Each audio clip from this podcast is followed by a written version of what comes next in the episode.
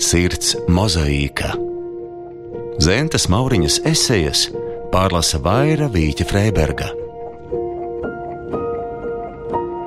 Darba prieku latvietis pazīst dziļāk nekā tā pretstatu patapu.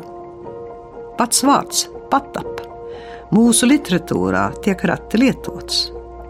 Kā apburta princese, tas dus vārnīcas lejās un viena otra zvejnieka grāmatā daudz vairāk nekā patapu, latvietis pazīst dīkonību, dīkā stāvēšanu, proti vaļas brīžu negatīvo izmantošanu un novērtējumu.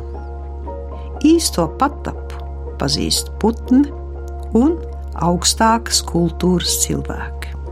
Patap ir iekšēja augšana, radīšanas, nobrieduma nepieciešamais priekšnoteikums.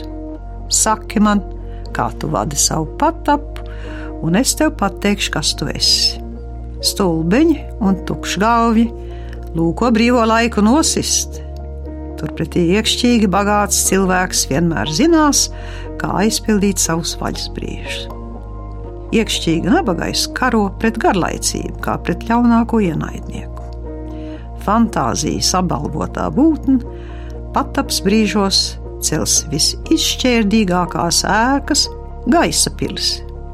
Bez fantāzijas būtne, pataps brīžos vistriķi, ar ko pakārties.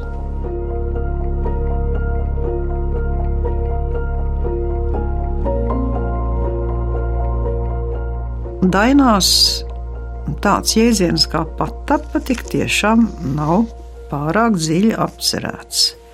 Bet netieši mēs redzam, ka ka, protams, mūsu senči saprata, ka viss dzīvē iet cikliski, veidojās un eksistē.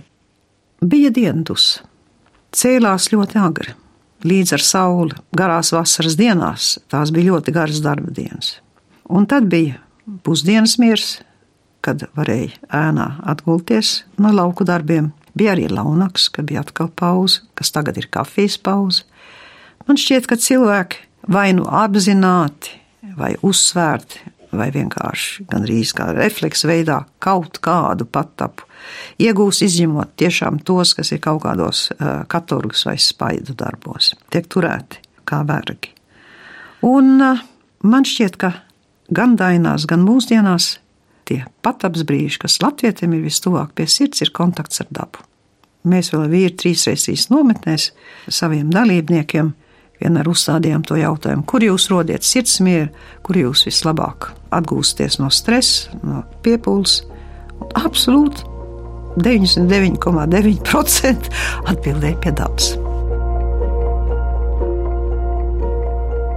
Zentas Mauriņas esejas pārlasa Vaira Vīķa Freiberga.